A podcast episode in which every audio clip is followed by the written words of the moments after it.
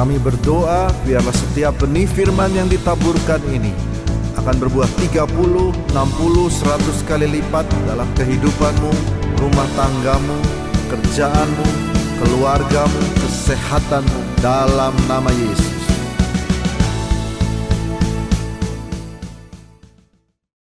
Uh, ya, Bapak Ibu semua, kayaknya terakhir saya ke JCC Cijantung mungkin sebelum Indonesia merdeka kali ya.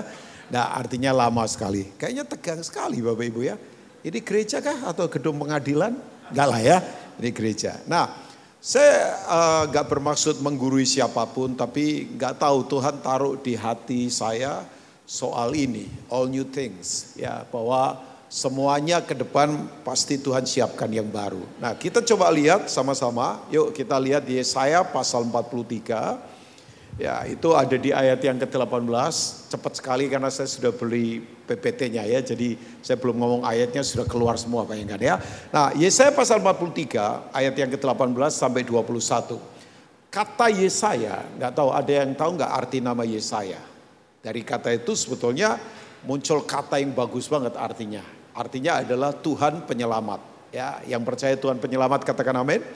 Bahwa dia adalah penyelamat, dia menyelamatkan kita. Eh, keselamatan bukan hanya soal nanti masuk surga saja, bukan hanya itu, tapi di semua aspek kehidupan. Nah, ini yang dia katakan. Nah, kita tahu ya, Yesaya ada waktu Israel ada di dalam penjajahan.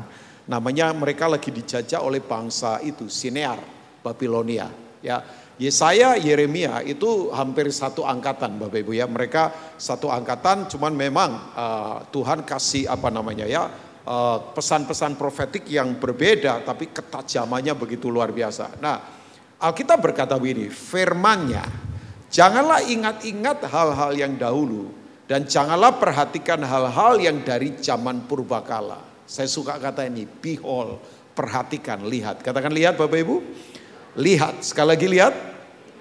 Aku hendak membuat sesuatu yang baru yang sekarang sudah tumbuh. Belumkah kamu mengetahuinya? Ya, aku hendak membuat jalan di padang gurun dan sungai-sungai di padang belantara. Binatang hutan akan memuliakan aku, serigala dan burung unta. Sebab aku telah membuat air memancar di padang gurun dan sungai-sungai di padang belantara untuk memberi minum umat pilihanku. Mari baca sama-sama ayat 21, JCC Jantung 23, umat yang telah kubentuk akan apa? Memberitakan kemasyuranku. Yang setuju katakan?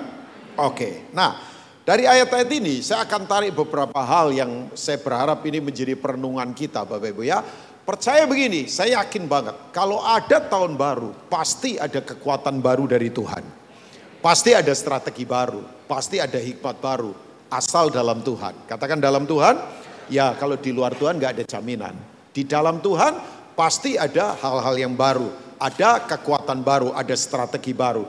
Nah tapi begini Bapak Ibu, Yesaya mengingatkan kita beberapa poin ini. Yang pertama, saudara tidak perlu lagi mengingat hal-hal yang lalu.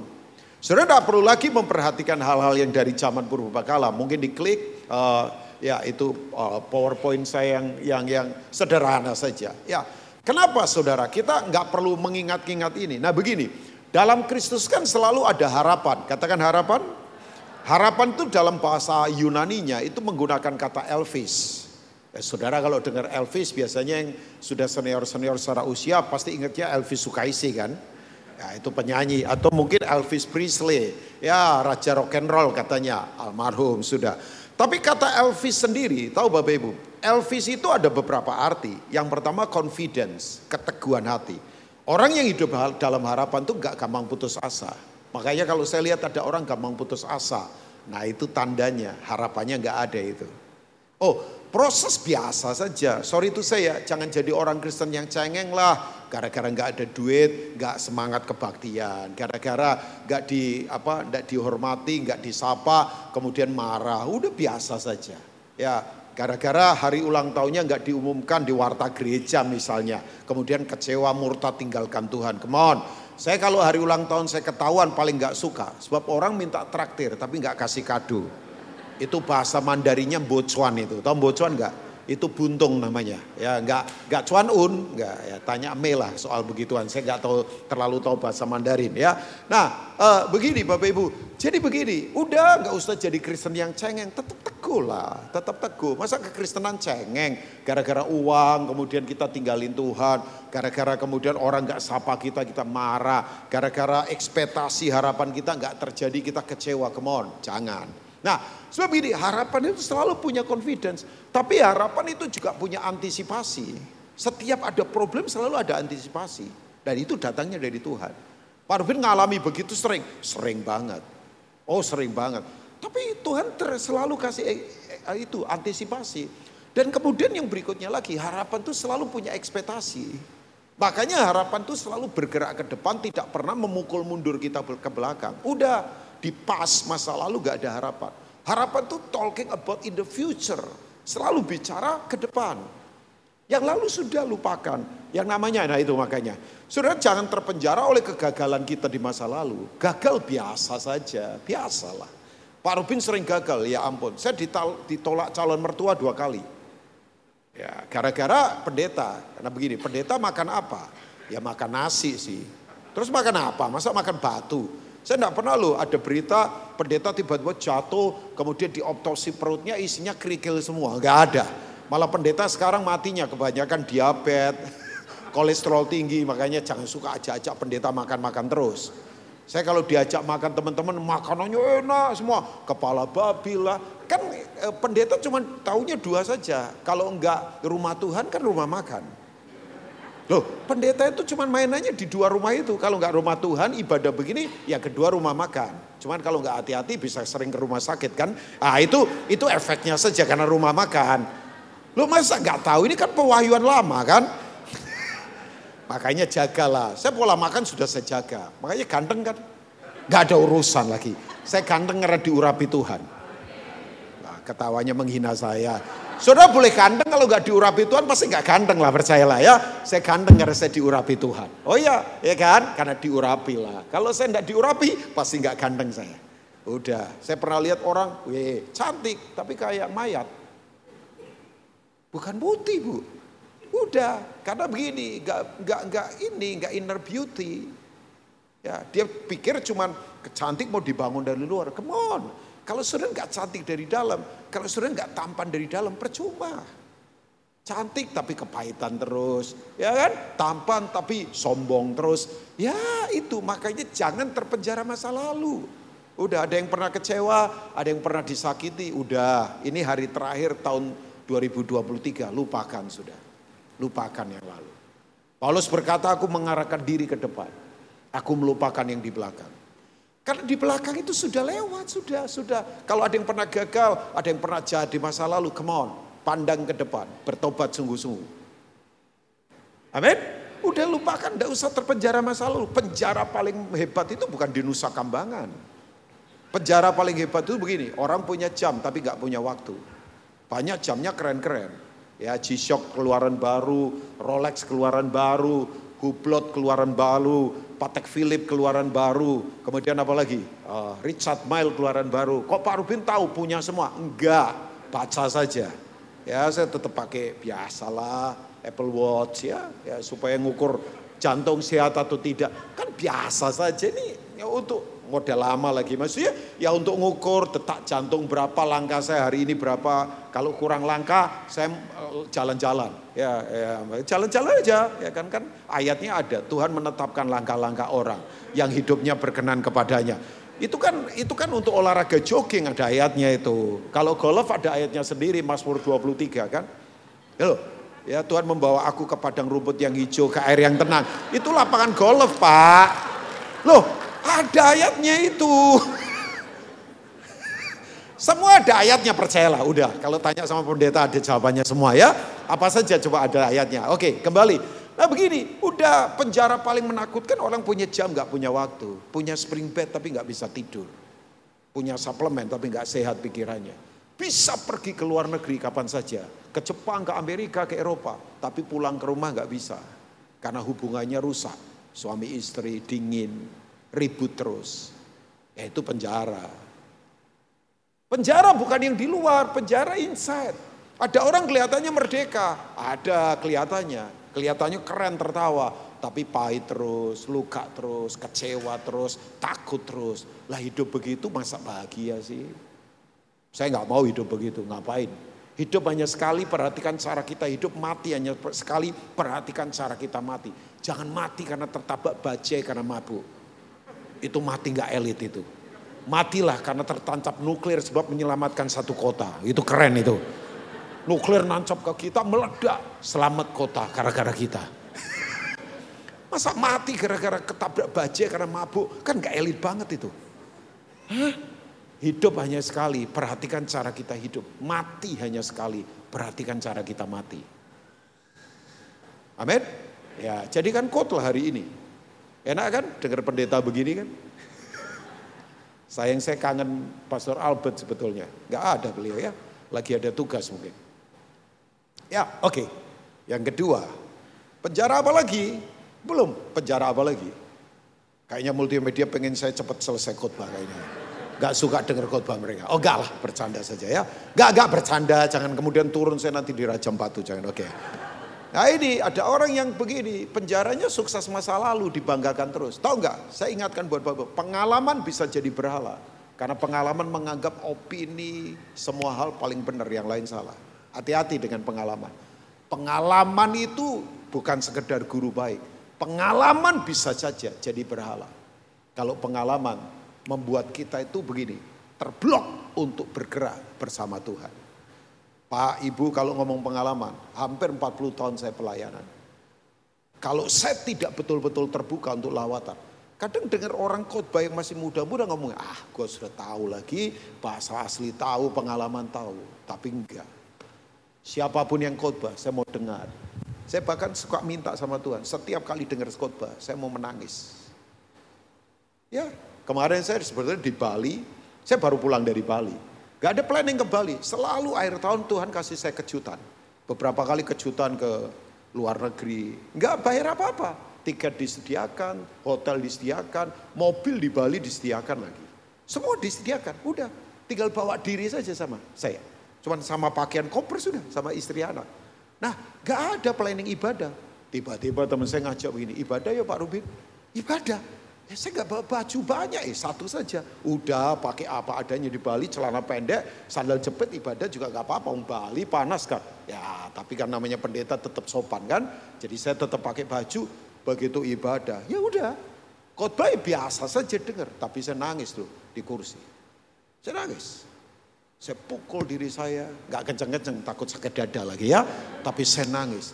Dan saya mau punya hati seperti itu. Siapa pun yang khotbah, siapa pun yang bicara, siapa pun yang diizinkan Tuhan melayani. Bapak Ibu buka hati. Kadang-kadang saya bisa saja pakai blog saya. Gua tahu lah, saya tahu 40 tahun pelayanan, saya tahu bahasanya, saya tahu apa. Nah itu, itu bisa menjadi berhala kesombongan. Ada orang yang selalu sukses masa lalu, makanya kemudian begini, Gak bisa mengadaptasi diri dengan semua apa yang Tuhan sedang kerjakan. Eh, tolong dengarkan baik-baik si, si, si, si, si jantung. Apa yang saudara alami belum seberapa. Ada hal lebih besar lagi yang akan Tuhan siapkan ke depan ini. Untuk namanya dipermuliakan. Ya, belum seberapa, belum seberapa. Ada hal yang hebat lagi yang akan Tuhan siapkan ke depan. Saya yakin itu. Ya bacalah 2 Korintus 3 ayat 18. Karena Tuhan adalah roh. Maka kita akan diubah menjadi serupa dengan gambarnya dalam kemuliaan yang semakin besar. Itu nggak ada itu. Multimedia saya enggak, enggak kasih. Tapi let's see Bapak Ibu coba lihat nanti. 2 Korintus 2 Corinthians chapter 3 verse 18. Sudah bisa baca itu. Tuhan adalah roh. Roh itu apa? Ruah. Ruah itu apa? Angin. Angin itu apa? Tak terbatas. Ya kan kata roh, ruah. Ruah kan, ruah. Ya, itu adalah angin. Angin tak terbatas. Sudah bisa batasi angin. Angin bisa masuk di tempat mana saja. Mau persegi panjang, mau bulat, mau bujur sangkar, mau mau apa saja. Makanya betul, gereja itu bukan soal bentuknya. Gereja soal dampaknya. Jangan kecanduan bentuk. Jangan kecanduan bentuk acara. Jangan kecanduan bentuk bangunan. Enggak usah kecanduan bentuk. Gereja itu yang penting dampaknya seperti angin. Bentuknya boleh apa saja. Tapi berdampak enggak. Bahkan saya bisa bicara tajam ya, gereja ini bisa jadi penjara. Kalau firman hanya dikurung empat dinding tembok begini, ditabiskan di acara ibadah, kita sorak-sore, kita nyanyi. Tapi setelah itu ditinggal di sini, tidak dipraktekkan di rumah, di kehidupan, di pekerjaan. Berarti begini, kita memenjarakan Tuhan ada di sini. Ini bisa jadi penjara yang memenjarakan kita. Bisa. Praktekkan firman. Jangan hanya di gereja ditabiskan tapi di kehidupan. Mulai sedih kan wajahnya. Karena gak ada yang amin. Amin Bapak Ibu? Oh ya, oke. Okay. Saya kalau begini jadi terpancing ke mulut ini ya. Kayak ngajar apa begitu. Oke. Okay. Saudara, ada yang saudara sekarang ini uh, lagi terpenjara di masa lalu, kegagalan, atau mungkin kebanggaan kita di masa lalu. Tuhan berkata ini, lupakan itu. Nah, saya suka yang berikutnya. Next step. Oke, nah ini dia, lihat. Saya suka kata ini lihat. Katakan lihat Bapak Ibu. Lihat di sini, ini bukan bicara tentang penglihatan fisik. Tapi ini penglihatan rohani dan mentalitas. Ya, jadi lihat di sini adalah penglihatan rohani. Kan manusia itu adalah makhluk roh yang tinggal di dalam tubuh, memiliki pikiran, perasaan, dan kemauan jiwa. Jadi kita ini makhluk roh. Identitas kita, our identity kita adalah roh. Makanya kita ini secara potensi sangat profetik, secara profetik sangat potensi. Saya ulang lagi, kita ini secara profetik, secara roh sangat potensi, secara potensi sangat profetik. Makanya manusia itu tidak akan mati. Manusia itu menghidupi kekekalan sampai ke kekekalan. Kekal itu selama-lamanya gak akan mati. Nanti yang yang hilang itu kan tubuh fisik kita, tapi roh kita kekal. Ya kan Bapak Ibu? Nah ini yang harus kita terus bangun dalam kehidupan. Nah manusia kan terdiri dari tiga unsur kan. Tapi identitas kita roh. Ya kan roh. Nah dalam roh itu ada tiga kan. Dalam roh ada berapa Bapak Ibu? Yang pertama fungsi worship. Penyembahan. Yang kedua fungsi revelation. Pewahyuan. Where there is no revelation the people cast of perish. Tanpa pewahyuan kita akan jadi liar. Tapi fungsi ketiga dari roh ada yang tahu nggak? Fungsi apa? Satu worship, menyembah dalam roh dan kebenaran John chapter 4 Bapak Ibu bisa baca ayat 21 sampai seterusnya. Tapi yang kedua pewahyuan sebab tanpa wahyu rakyat akan menjadi liar. Nah pewahyuan itu apa? Roh kita diterobosi oleh roh Tuhan. Makanya betul orang yang kemudian diterobosi itu akan punya pengertian. Nah ketika orang pengertian ah, begini aplikasi hidupnya cakap. Makanya kalau sekedar cuma tahu Bapak Ibu tidak mempraktekkan berarti Bapak Ibu yaitu nggak mengalami pewahyuan banyak orang tahu, jangan kaget. Orang sekolah teologi ya tetap pembohong juga. Orang jago khotbah tetap selingkuh juga. Ya cuma tahu. Gak mengalami pewahyuan. Makanya begini, mengalami pengalaman pribadi dengan Tuhan itu harus. Oh iya, saya gak akan bisa apa-apa kalau saya gak mengalami pengalaman pribadi dengan Tuhan. Saya mengalami siapa Tuhan. Ya makanya saya tidak akan meragukan Tuhan dalam kondisi apa pun. Nah ini Bapak Ibu, saya saya mau supaya Bapak Ibu bahwa menaruh perhatian. Karena begini, Tuhan sedang membuat sesuatu yang baru. Tapi kita perlu melihat dengan penglihatan rohani kita, mentalitas kita. Nah dalam roh ada tiga, yaitu yang pertama worship, yang kedua adalah revelation, pewahyuan, yang ketiga adalah hati nurani. Itu di roh. Hati nurani itu apa? Kemampuan membedakan yang salah benar itu dia tahu. Orang kalau nggak tahu bedakan yang salah mana yang benar mana, itu masalahnya bukan lagi di yang lain, di roh. Pernah lihat nggak ada orang doktor, tapi tetap korupsi. Ya karena hati nuraninya, cuman pinter digelar secara edukasi, tapi rohnya nggak hidup. Pernah lihat nggak ada orang yang kalau lagi nyembah sementara yang kusuk nangis, dia tertidur. Bapak Ibu itu serius, itu rohnya mati Bapak Ibu. Itu bukan karena soal diabetes saja, itu soal spirit. Oh iya, makanya saya nggak bercanda. Kalau orang berkata, saya selalu susah tidur, saya baca Alkitab pak, saya langsung tidur. Orang ketawa seneng, saya nggak akan ketawa. Saya marah secara rohani. Saya bilang, pak jangan bercanda, roh bapak mati kalau baca firman sampai tidur. Saya kalau baca firman segere. Saya kalau baca firman menyala-nyala Saya kalau baca firman kayak makan roti. Saya kalau baca firman melompat ya. Saya kalau baca firman sampai saya lempar Alkitab karena saya surprise banget. Saya dapatkan sesuatu. Makanya kalau orang lagi nyembah kusuk semua nangis dilawat Tuhan dia tidur. Kemon. Itu masalah roh pak. Ibu. Ya ya ya ya. Kok semangat saya ya? Oke. Nah, nah ini begini. Nah manusia yang kedua punya tubuh, katakan tubuh. Makanya Bapak Ibu, kita melakukan kendala lewat tubuh kita. Yang nggak punya tubuh dilarang hidup di bumi. Gak bisa Bapak Ibu, kita harus tetap memiliki. Makanya tubuh mesti dirawat, tubuh dirawat, tapi jangan over. Olahraga perlulah, makan dijagalah, cara ngomong mesti bener lah. Hati-hati dengan omongan ya Bapak Ibu ya. Sebab itu semua ada di fisik kita. Nah begini Bapak Ibu, tubuh kita ini punya tiga fungsi. Yang pertama adalah fungsi itu, fungsi itu makan minum. Sudah makan minum itu di tubuh. Tapi yang kedua, tubuh punya fungsi, namanya fungsi itu reproduksi. Ya, nah, jadi ya kalau bahasanya biologi alat-alat seksual itu ada di tubuh. Tapi yang ketiga di tubuh kita fungsinya namanya self defense mechanism, sistem pertahanan diri. Jadi kalau Bapak Ibu dilempar, Bapak Ibu akan menghindar. Itu namanya gerakan refleks. Ya kan, kalau misalnya ada burung di atas saya, kepala saya, kemudian dia mau keluarkan itu kotoran. Kemudian dia, saya berkata, silahkan. Nah itu saya ngawur itu ya. Saya berarti sudah nggak punya sistem pertahanan diri. Saya akan menghindar. Kalau saya dilempar, saya akan menghindar. Nah itu fungsi tubuh saya. Nah begini, di jiwa ada tiga fungsi. Di jiwa fungsinya adalah pikiran, perasaan dan apa? Kemauan. Pikiran, perasaan, kemauan di jiwa. Nah jiwa itu netral. Katakan jiwa itu netral. Katakan tuh jiwa itu netral, pikiran perasaan kemauan kita itu netral. Tergantung begini, kalau tubuhnya kuat, nah ini dia. Maka pikiran perasaan kemauannya cuma apa? Makan, minum, seks, dan selalu membela diri. Pernah dengar gak ada orang kalau di dengar khotbah di hari Minggu selalu ngomongnya begini. Ini bukan buat saya, padahal buat dia loh. Ini buat yang lain. Sayang dia ndak datang ya. Satu kali saya khotbah tentang itu pemulihan diri. Belum lama saya khotbah. Tiba-tiba ada orang berkata begini sama saya, sayang ya Pak Rubin. Sayang kenapa bro? Istriku nggak datang. Ini cocok untuk dia. Waduh, padahal kan pria sumber. Ya kan? Semua rusak kalau sumbernya rusak. Semua busuk kalau sumbernya busuk. Semua bisa bau kalau sumbernya bau. Tapi kemudian dia salahkan istrinya. Dia berkata, sayang ya istriku nggak datang. Padahal ini khotbah bagus banget untuk dia. Supaya dia bertobat. Nah Bapak Ibu saya beritahu ya. Orang kalau tubuhnya kuat. Pasti jiwanya itu terus digiring sama tubuhnya.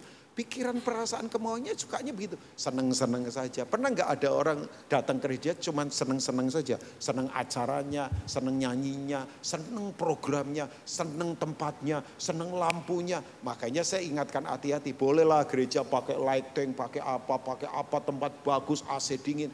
Tapi jangan sampai di gereja muncul orang-orang yang mentalnya mental konsumen. Saya dapat apa lagi hari ini? Khotbahnya bagus nggak? Musiknya keren nggak? Lagunya enak nggak buat saya? Nah itu tadi makanya ketika keluar mentalnya nggak kuat semua. Ketika hantaman datang pada tinggalkan Tuhan. Maafkan saya, gedung bagus, musik bagus, tidak menjamin orang kuat. Sudahlah, I seen the movie. Saya lihat gerakan-gerakan-gerakan dari sekian puluh tahun yang lalu. Saya tahu ujungnya ke mana. Ya, kalau tidak kita kembali menguatkan penglihatan rohani kita. Nah Bapak Ibu, roh kita harus kuat. Makanya Paulus berkata begini, eh ini iluminasi hebat ini.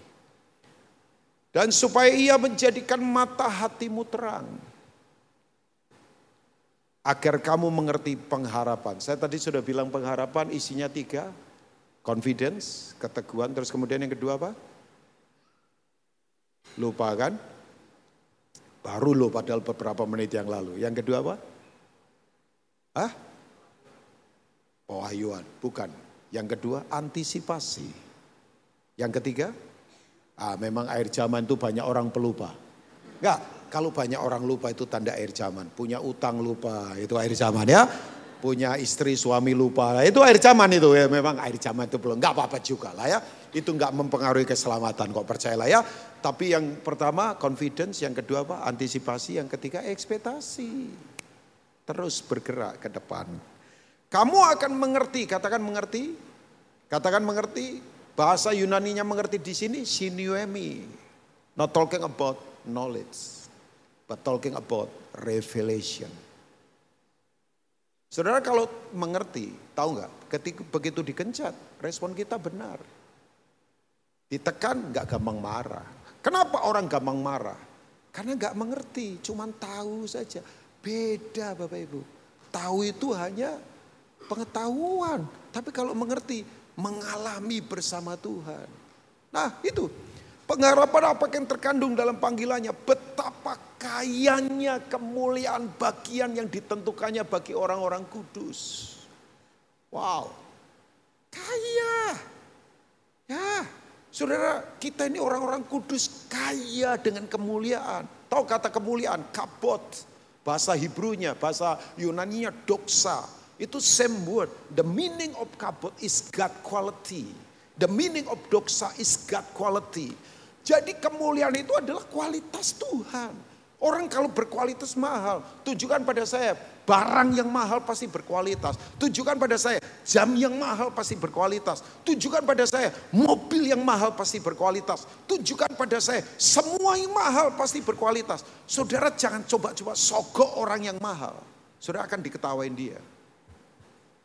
Saudara jangan coba-coba kemudian nilai orang yang mahal dengan duit. Saudara akan diketawain dia. Sebab mahal itu lebih hebat daripada apa pun. Mahal itu selalu berkualitas. Dan semua yang berkualitas tandanya apa? Pasti punya endurance. The strong durability. Ada daya tahan yang kuat. Saya punya beberapa anak rohani. Penyelam. Itu kalau menyelam hampir seluruh Indonesia dia datangi. Saya tanya, paling hebat ada di mana? Dia bilang ada di Indonesia Timur. Kalau nggak salah di kepulauan Arafura apa-apa. Ada yang dari Ambon nggak? Bung, Usi, Nyong. Oh, si JCC kurang bangsa-bangsa ini kayaknya ya. Padahal orang Ambon suaranya bagus-bagus. Oh iya, asli. Papua Ambon itu kalau nyanyi udah di bawahnya malaikat. Malaikat orang Ambon.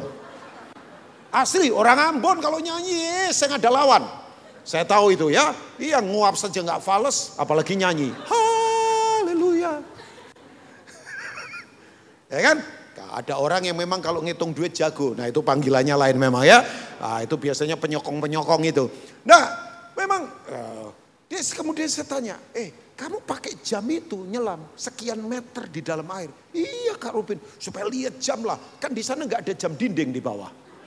Ya benar juga sih. Kemudian dia mereka bisa tendang-tendang hiu itu. Hiu apa sih? Hiu mata ya. Hiu mata yang lebar itu. Eh, hiu mata betul ya Pak? Hiu yang lebar itu kan hiu mata betul ya. Tendang-tendang, los-los. Wah dia bilang begini, Kak Rubin ada satu tempat di sana. Di dalam laut ini ada sumber mata air hangat. Saya duduk di sana sambil menangis. Menyembah Tuhan. Cuman air matanya kan gak kelihatan, wong air semua Bapak Ibu ya. Tapi dia berkata, eh saya bilang alat-alat selamu mahal. Istrinya langsung tendang saya. Bayangkan, karena anak sudah dekat jadi berani tendang pendetanya ya. Ditendang. Eh ini sudah pada maju, saya harus disuruh mundur berarti ini ya. Oke, nggak ada yang maju, ada yang turun kan. Eh, biasalah kode gereja karismatik begini. Ada yang maju, harus ada yang turun. Ah, saya tahu diri ini kalau sudah ada yang maju harus ada yang mundur kan. Soal kalau maju semua nanti negara jadi bentrok kan. Mesti harus harus saling mengalah dalam sudah, sudah selesai. Udah jangan tepuk tangan, saya sudah selesai sebentar. Saya bukan pengkhotbah lama, ya paling sebentar. Satu jam saja di sini asik sekali kan. Ini khotbah sebentar, udah habis ini makan khotbah lagi, makan lagi khotbah lagi, makan lagi paling enak. Oke, saya ngomong apa tadi lupa. Bapak Ibu tahu nggak? Saya tanya, alatnya mahal, mahal. Tahan nggak? Di dalam air tahan. Kalau murah, pecah. Maaf ya, semua yang murahan gampang pecah. Semua yang murahan gampang hancur. Semua yang murahan gampang tersapu. Jangan murahan Pak. Lihat dengan mata rohani. Kalau kita melihat Tuhan, hidup tidak akan terintimidasi. Satu kali ini satu. Saya akan selesai. Boleh nggak pemain piano maju ke depan? Ini pemain musik di mana? Oh, pemain piano saja. Oh, ini main semua ya. Oke, nggak apa-apa. Yang main piano, bro, boleh main pelan-pelan. Ya, sebentar kita selesai. Enggak, saya harus selesai. Mundur dua menit gak apa-apa ya Pak Daniel. Pak Daniel di mana? Dua menit gak apa-apa ya? Enggak berdosa Pak ya. Ah lima menit kalau begitu. Bapak baik-baik kan. Dia enggak, dia kasih begini. Saya minta dia, dia kasih lima. Oke, lima. Jadi lima menit ya. Oke. Enggak, lima menit. Saya kan mau dua menit. Dia minta lima menit. Oke. Oke, coba kita lihat. Jadi lupa saya ngomong apa tadi ya. Oh ya, Samaria dikepung oleh tentara Arab. Maju juga, mau nyanyi. Belum, belum. Saya masih belum. Oh nggak apa-apa. Saya masih ada waktu kok sudah maju semua. Oke. Yang main musik, oh ya sudah. sudah. memang kayaknya saya ditolak di sini nih. Pak Albert, saya ditolak lah Pak. Saya berpikir untuk datang lagi nih Pak. Oke. Gak, gak bercanda. Wajah kalian membuat saya lupa Wahyu asli. Tahu nggak Aram dikepung, eh Aram mengepung Samaria. Aram itu kalau sekarang kayak itu, kayak mungkin Rusia kayak China. Samaria kayak sekarang ini mungkin kayak Indonesia. Coba imagine, Indonesia dikepung oleh China atau Rusia dalam bentuk perang ini. Takut lah Pak, takut apa? Bujangnya Elisa keluar pagi-pagi, buka jendela. Begitu lihat, dia belum saat teduh kali ya. ya. Makanya saat teduh dulu baru minum kopi. Jangan minum kopi dulu sebelum saat teduh. Teman saya kalau sebelum saat teduh makan selalu muntah. Itu teman saya, kalau saya enggak lah. Ya teman saya begitu, sejak bertobat kalau belum baca Alkitab makan roti selalu muntah. Itu teman saya. Makanya dia mau tidak mau harus saat teduh dulu sebelum makan apa pun. Even dia lapar, sebab dia akan muntah.